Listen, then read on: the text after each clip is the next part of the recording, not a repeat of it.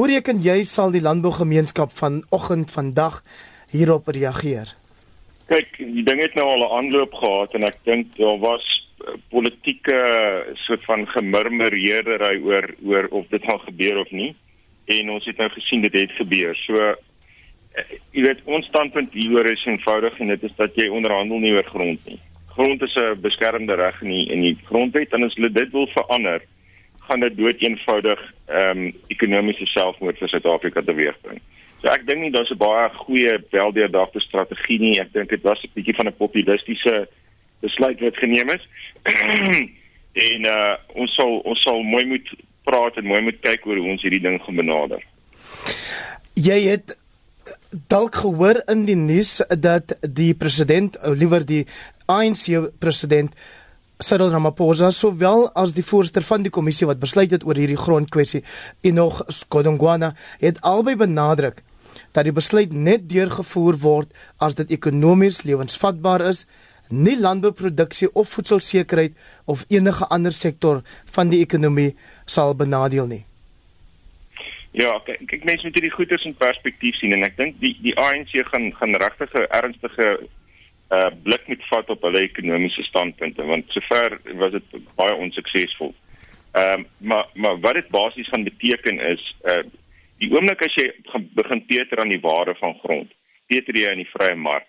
Die oomblik as jy daan peter, peter jy met finansierings met finansieringsmeganismes vir landbou.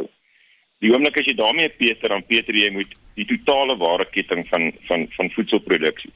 So so jy weet ons het nou gesien wat se foute Zimbabwe gemaak het. Ehm um, en en dit was 'n totale flop geweest. So jy weet ek ek van ons kant af is ons is ons baie gekant teen hierdie voorstel. Ehm um, en en ons weer is ekonomies nie lewensvatbaar nie.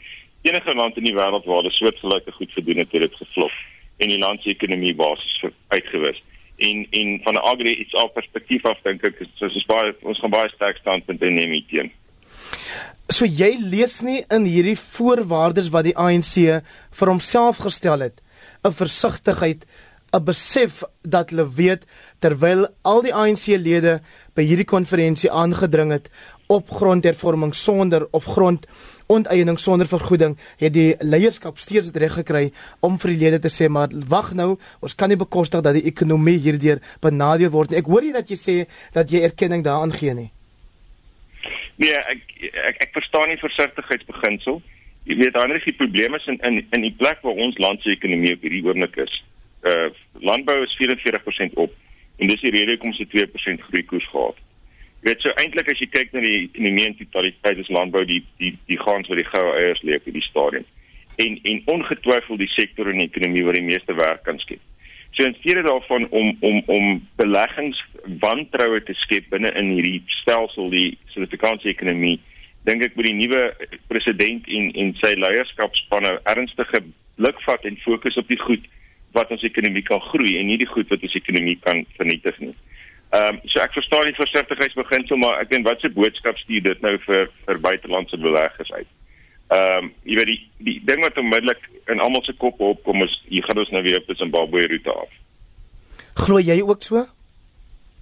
Nee, ek dink nie so nie. Ehm um, ek dink jy weet ons het nog baie nigter denkende mense in Suid-Afrika en 'n baie sterk privaat sektor. Ons gaan moet saam staan en ons gaan hierdie ding moet ons gaan hierdie ding tromp op en loop. Dis die enigste manier ons dit gaan wen en en as privaat sektor en as mense in Suid-Afrikaners want onthou dis nie net 'n plaas issue hierdie ek en hierdie hierdie kring weier uit na eiendomsregte van alle soort ehm um, residensiële eiendom jy weet daar daar daar sit net maar die beginsel is is is, is beskerm in die grondwet dit is hoekom daai beginsel vervat is daarin in artikel 25 so so hierdie is hierdie is eintlik die beskerming van ons ekonomie. Dit is eintlik waarop hierdie hierdie ding afstuur. Om die oud president Galema Motlanthe se sogenaamde hoë vlak paneel wat ondersoek ingestel het na die effektiwiteit van wetgewing wat na 1994 ingestel is, die het ruk gelede gesê bestaande wetgewing is eintlik voldoende.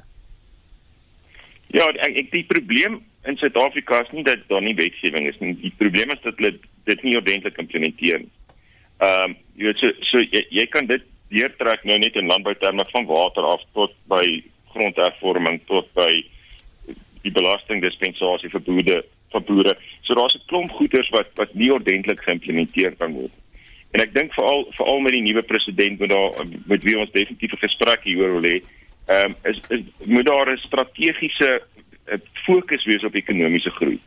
Want want onthou hierdie goeder het alles 'n uh, uh, impak op die belastingbetaler, die fiskus se vermoë om om sosiale uh, grants uit te betaal en so meer.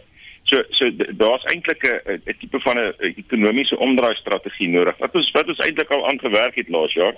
Ehm uh, maar ek dink die ANC gaan baie sterk kennis moet neem daarvan en en 'n plan op die tafel moet sit dat ons weet, jy weet, hoe sien die president die volgende 4 jaar uitspeel in terme van die ekonomie?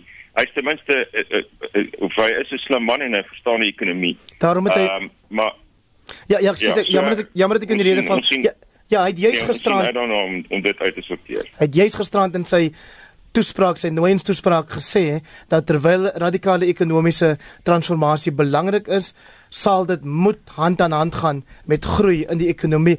Maar dit klink vir my uit jou kommentaar het uh, Omri van Sail asof ons steeds die vorige president het en nie 'n nuwe een op wie se verkiesing die markte nogal heel positief gereageer het nie. Ja, ek dink dit is dit is die die teenstrydigheid want aan die een kant het jy 'n baie goeie reaksie van die van die internasionale mark en dit is belangrik, nee, ek meen mense mense nie daai goed onderskat nie. Ehm um, en en aan die ander kant het jy hierdie uitspraak. So die twee kanselleer mekaar nou onmiddellik uit. En en en weet as die ANC regtig voortgaan en hierdie ding probeer deurdruk in die in, in die grondwet verander, soos ek genoem het, dan dan is dan gaan ons ekonomie sink. Ek kan nie sien hoe ons dit sal weet die net die banke alleen het ongeveer 140 miljard in in, in landbou finansiering.